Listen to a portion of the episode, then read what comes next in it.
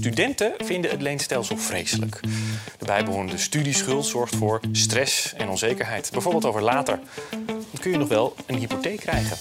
En wat betekent die schuld voor je financiële toekomst? Niet veel goed zeker. Je luistert naar Van de Mortel, de podcast. In ieder geval, leuk dat je luistert. Nou, we gaan een podcast eh, doen eh, elke vandaag. Ja. we krijgen natuurlijk van klanten veel vragen over, eh, met name de starters, hè, een hypotheek met een eventuele studie of een schuld, een studieschuld. Kan dat dan wel? Nou, we merken dat veel starters op die woningmarkt, die zijn aan het kijken, die, die willen een hypotheek aanvragen, maar die hebben dus een studieschuld. Kun je dan eigenlijk wel een hypotheek afsluiten? Uit eh, onderzoek blijkt, eh, cijfers van het CBR, dat ongeveer 70% van de studenten heeft een studieschuld. En dat is gemiddeld rond de 14.000 euro aan, aan schuld. Dus ja, de vraag is natuurlijk heel legitiem, van kun je dan wel een, een, een hypotheek eh, krijgen? Nou, bij me zit Elke, Elke specialist op het gebied van hypotheken, ook voor starters met eventueel een studieschuld. Dus Elke, zou je eens kunnen uitleggen aan de luisteraars van hoe zit dat nou precies? Kun je een hypotheek krijgen als je na je studie een studieschuld hebt? Nou, waar eh hypotheekverstrekkers eigenlijk als allereerste naar kijken, eh, is je inkomen. Ze beoordelen of je voor een hypotheek in aanmerking komt. Nou, daarnaast hè, wordt gekeken naar je betaalverplichtingen, eh, zoals een studieschuld. Nou, hoewel een studieschuld invloed heeft op het bedrag wat je maximaal kan lenen, hoeft dat in principe geen belemmering te zijn voor het kopen van een huis. Nou, dat is goed nieuws. Ja, simpel gezegd kun je met een studieschuld eh, minder lenen. Banken en geldverstrekkers kijken er dus wel naar. Dus, dus, dus als ik het goed begrijp, het heeft impact. Dus, Ja. dus je kijkt er wel naar, maar je kunt dus wel gewoon een hypotheek krijgen. Ja, het belangrijkste is eh, je inkomen. Op basis van je inkomen ehm, eh, gaan we kijken wat je maximaal kan lenen. Kijk, en je studieschuld wordt daar eigenlijk in mindering in gebracht. oké, ja, op zich eigenlijk best logisch. Ja, Ja, hoe, hoe gaan banken en geldverstrekkers dat beoordelen, zo'n studieschuld? Kun je daar iets over vertellen? nou standaard eh, gaan banken en geldverstrekkers uit van je oorspronkelijke studieschuld. Dus eh, eh, eigenlijk je totale hoogte van je studieschuld. Nou, hierop eh, wordt eigenlijk je maandelijkse aflossingsbedrag eh, gebaseerd. Nou, ook al ben je eigenlijk al bijna klaar met aflossen, toch wordt er eh, rekening gehouden met, je, met de totale hoogte van de studieschuld. Nou, omdat er dus gekeken wordt naar de, wat je per maand eigenlijk aan betaalverplichting aan duur verschuldigd bent, ehm, gaan ze uit van je oorspronkelijke studieschuld. Op basis daarvan is je maandbedrag berekend, dus Mhm. de rente en aflossing die je daarin betaalt. Oké, dus ze kijken eigenlijk wat je terugbetaalt van je studieschuld. Dus dat bedrag, dus, dus hè, mensen die die studieschuld hebben, die weten wat ze maandelijks terugbetalen. En dat bedrag is relevant voor de aanvraag voor zijn hypotheek. Ja, precies. Het, bedrag wat eigenlijk eh, eh, je maandkosten zijn voor eh, Ja. het afbetalen van je studieschuld.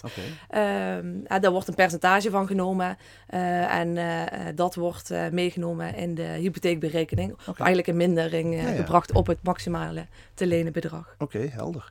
Nou, wat ook best actueel is natuurlijk, je hebt het, die oude en die nieuwe regeling met betrekking tot het leenstelsel. Kun je Ja. daar iets meer over vertellen, Elke? Ja, dat klopt. Dat is ook wel eh, echt van belang en welke Mhm. studieschuld eh, je, hè, je leenstelsel eigenlijk valt. Mhm. Ehm, nou, de meeste eh, die eigenlijk nu een hypotheek aanvragen, die vallen in het oude leenstelsel. Dus je bent eigenlijk begonnen voor 1 september 2015. Mhm. Nou, dat betekent dat een eh, hypotheekaanvraag 0,65% eh, van je studieschuld wordt meegeteld. Nou, bij een studieschuld van bijvoorbeeld 15.000 euro gaat de bank ervan uit dat je hiervoor een maandlast hebt van 97,50 euro. Oké. Dus als je bijvoorbeeld inderdaad, hè, uit die cijfers bleek dat je ongeveer, hè, de gemiddelde student heeft 14.000 euro. Nou, Ja. rekenvoorbeeld hou je 15.000 euro aan. Mhm. Daar komt dus een maandbedrag uit van maar, afgerond 100 euro. Ja. Oké, en die 100 euro, omdat je die aflost op die studieschuld, kun je die natuurlijk niet inzetten voor je hypotheek. Nee. Dus dan zou je eigenlijk dus die 100 euro minder kunnen lenen, want die moet je afbetalen aan je studieschuld. Ja, dat scheelt ook fors op, je, eh, op, op het maximaal te lenen bedrag. Ja. Hè, want als we uitgaan van een studieschuld van 15.000 euro en met die maandlast van 97,5, eh betekent het eigenlijk dat je ongeveer 28.000 euro minder hypotheek eh, kan lenen. Oké, oké. Ja, dus als je, dat, als je die 100 euro per maand dan doorvertaalt naar leencapaciteit, zou dat Ja. ongeveer 28.000 euro zijn. Ja, Oké. minder kan lenen. Minder kunt lenen. Ja. Ja. Oké. Nou, bij het nieuwe leenstelsel is het eigenlijk zo, hè, die is ingegaan vanaf 1 september 2015. Mhm. En ehm, daar heb je een aflostermijn van 35 jaar en wordt er gerekend met eh 0,35% van de studieschuld. Dus ook hier uitgaande van hè, 15.000 euro eh, gaat de bank eh, uit van een maandlast van 52,50 euro. Oké. Nou, dat scheelt dus al eh fors met, met het oude leenstelsel. Maar goed, uitgaande van ook weer een 15.000 euro, gaat de bank uit van, te, van een maandlast van 52,50 euro. Ehm, en dat scheelt in dit geval aan hypotheek 15.000 euro. Dus het verschil tussen oud en nieuw leenstelsel is best wel fors eigenlijk. Ja, waarbij je bij het oude leenstelsel 28.000 euro minder kan lenen mhm. met hetzelfde studieschuld. Is bij het nieuwe leenstelsel is dat 15.000 euro ongeveer.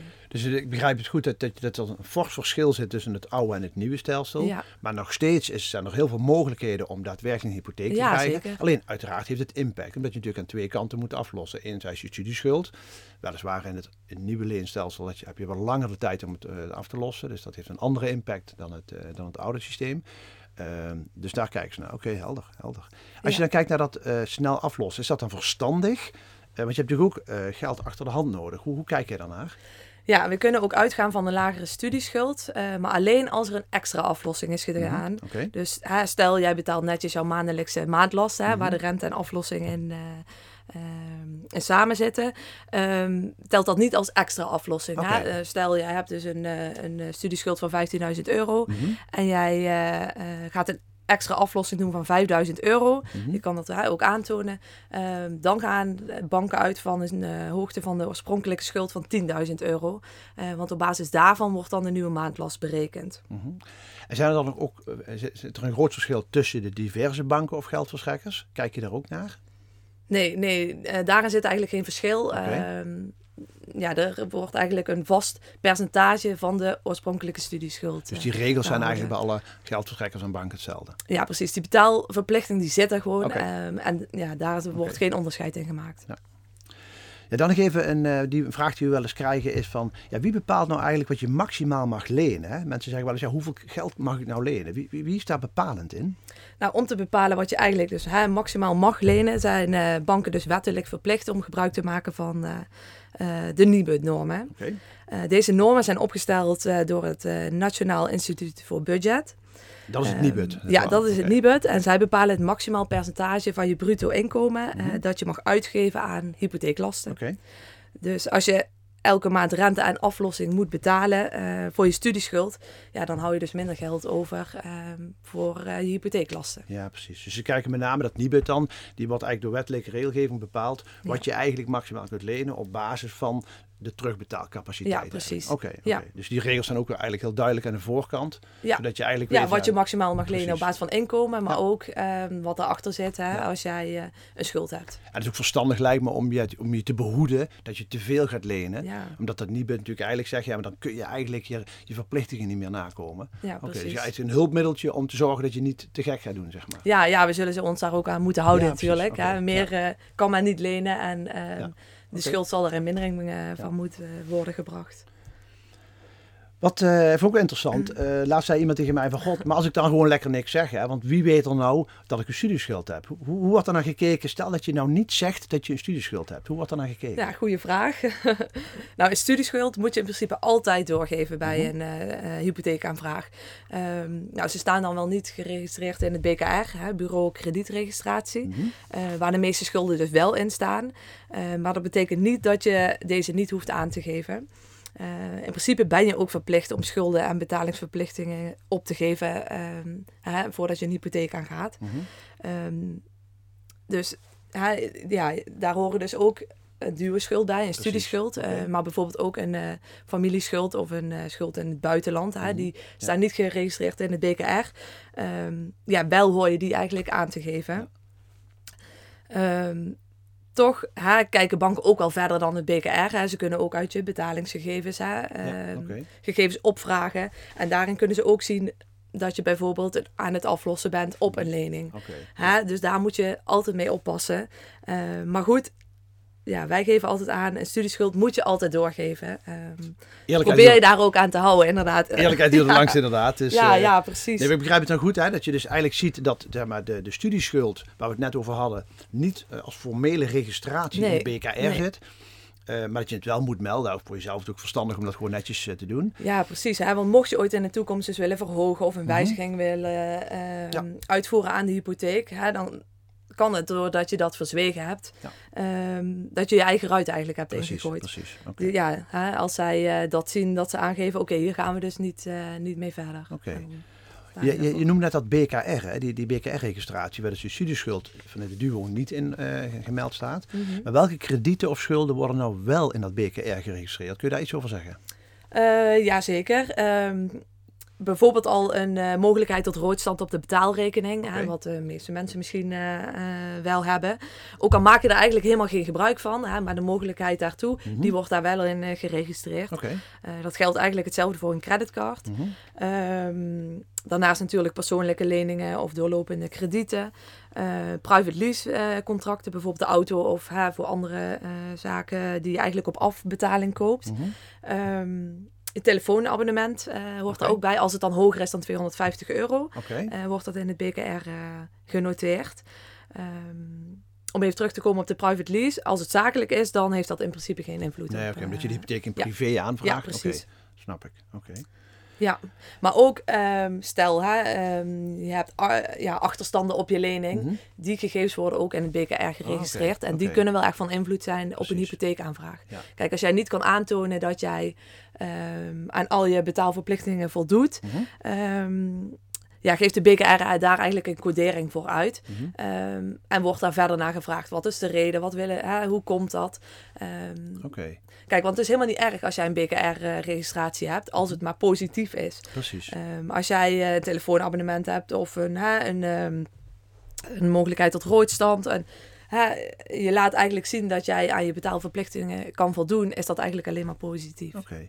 Hoe weet je nou als klant of je wel of geen BKR-registratie hebt? Hoe, hoe kun je er als klant zelf achterkomen? Eh, ja, dat kun je eigenlijk gewoon zelf opvragen. Ehm, heel makkelijk eigenlijk via de officiële website van het BKR. Oké. Ehm, meestal kan je gegevens ook direct inzien ehm, en anders eh, eh, zenden ze je die online toe. Dus als je bijvoorbeeld eh, zegt van god, hè, we hebben het over de start op de woningmarkt, voor de hypotheek, wellicht Ja. met een studieschuld, is het wel belangrijk om even te toetsen of je wel Ja, of geen. BKR hebt. Omdat je dan misschien anders achteraf verrassingen krijgt, waar je zegt, oeh, eh, ik had even rekening mee gehouden dat mijn telefoonabonnement of mijn creditcard, Ja. dat, dat, dat, dat kan dus een negatieve impact hebben. Ja, veel mensen weten vaak ook niet dat een creditcard of een Precies. mogelijkheid tot Ja. roodstand ook wordt geregistreerd in eh, BKR.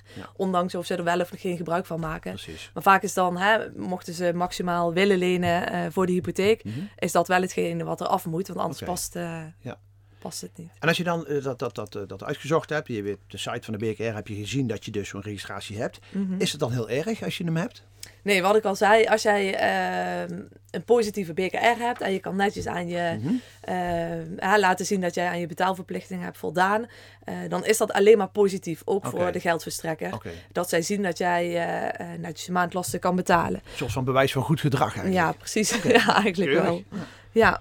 Nou zei je eh, eh, positief, maar ja, b- positief kun je ook negatief. Hè? Wat, wat, heb je, wat, wat betekent nou als je een negatieve BKR-registratie hebt? ja, dan krijg je dus een codering vanuit Ja. het BKR. Ehm, en zij eh, ehm, geven dan aan bijvoorbeeld dat jij een achterstand eh, hebt op een eh, krediet bijvoorbeeld, op een aflopend krediet. Ehm, kan ook op de hypotheek zijn. Eh, goed, hè, voordat dat zover is, heb je eh, wel eerst een hoop herinneringen gehad. Dus het is niet dat ze dat zomaar erop zetten na één keer betalen. Ja. Dus daar is wel wat aan vooraf Precies. gegaan. Ehm, maar goed, dan ja, zal een geldverstrekker wel meer willen weten van de situatie. En dan ja, kan Dus- het moeilijker zijn om, eh, Ja, ja, om een hypotheek eh, Dus je te verplaatst de krijgen. geldverstrekker, iemand leent geld Ja. aan jou uit. Ja, Dan heb je eigenlijk een soort boterbriefje nodig, een bewijs van goed gedrag, dat je keurig aan je verplichtingen voldoet. En stel dat je dus die negatieve BKR-registratie hebt, dat betekent eigenlijk dat je soms te laat betaalt of een keer niet. Dat is eigenlijk een soort van ja, eh, een strafbriefje dat je het niet zo netjes doet. Dus kort door de bocht, eigenlijk belangrijk dat je je betaalgedrag op orde hebt, altijd natuurlijk, Ja, ja. financiële huishouding. Maar voor de aanvraag van zo'n hypotheek is het dus extra belangrijk dat het wel op orde is, begrijp ik? Ja, ja, precies. Ja. Ja. ja, zorg er eigenlijk voor dat je, Ja. je, ehm, je goed voldoet aan je financiële verplichtingen. Dat, eh, dat je in ieder geval een positieve Precies. BKR hebt. Ja, precies. Ja, dat is misschien wel een goede inderdaad. Hè? Dat je dus, als je in zo'n traject gaat van een hypotheekaanvraag, dat je eh, moet zorgen dat dat gewoon op orde is. Omdat je natuurlijk eigenlijk een, een, een, een schone lei wilt. Ja. Omdat je een aanvraag gaat doen voor een forse lening. En degene die het geld gaat lenen, ja, die wil natuurlijk wel weten dat je netjes eh, aan, je, aan je verplichtingen kunt voldoen. Op zich wel een goed, eh, goed punt, denk ik. Ja. Oké. Ehm, nou, als je dan zo'n zo'n eh, zo'n BKR-registratie hebt, kun je iets vertellen over de invloed van zo'n registratie? Van met name op, op te lenen bedrag, zeg maar. Ehm, ja, de, het krediet uh, die, die staan natuurlijk in het BKR geregistreerd, uh, Ja. waar we het al over hadden. Ja. Eh, dat heeft zeker invloed eh, op je maximaal te lenen bedrag. Ehm, in principe, eh, zo'n eh, zo'n krediet of zo'n schuld eh, wat je in het BKR hebt staan. ehm, er wordt voor de hypotheekaanvraag eh 2% eh, van de oorspronkelijke schuld eh, daarin meegenomen. Dus waar we het net over hadden, hè, we begonnen even met de studieschuld. Mhm. Er wordt een afslag gedaan op basis van die maandlast, maandlast aan af- renteaflossing van de studieschuld. Ja, De- Daar, daar kijken ze naar. En ze kijken ook als je dus die BKR-registratie hebt. Dus het is een optelsom van.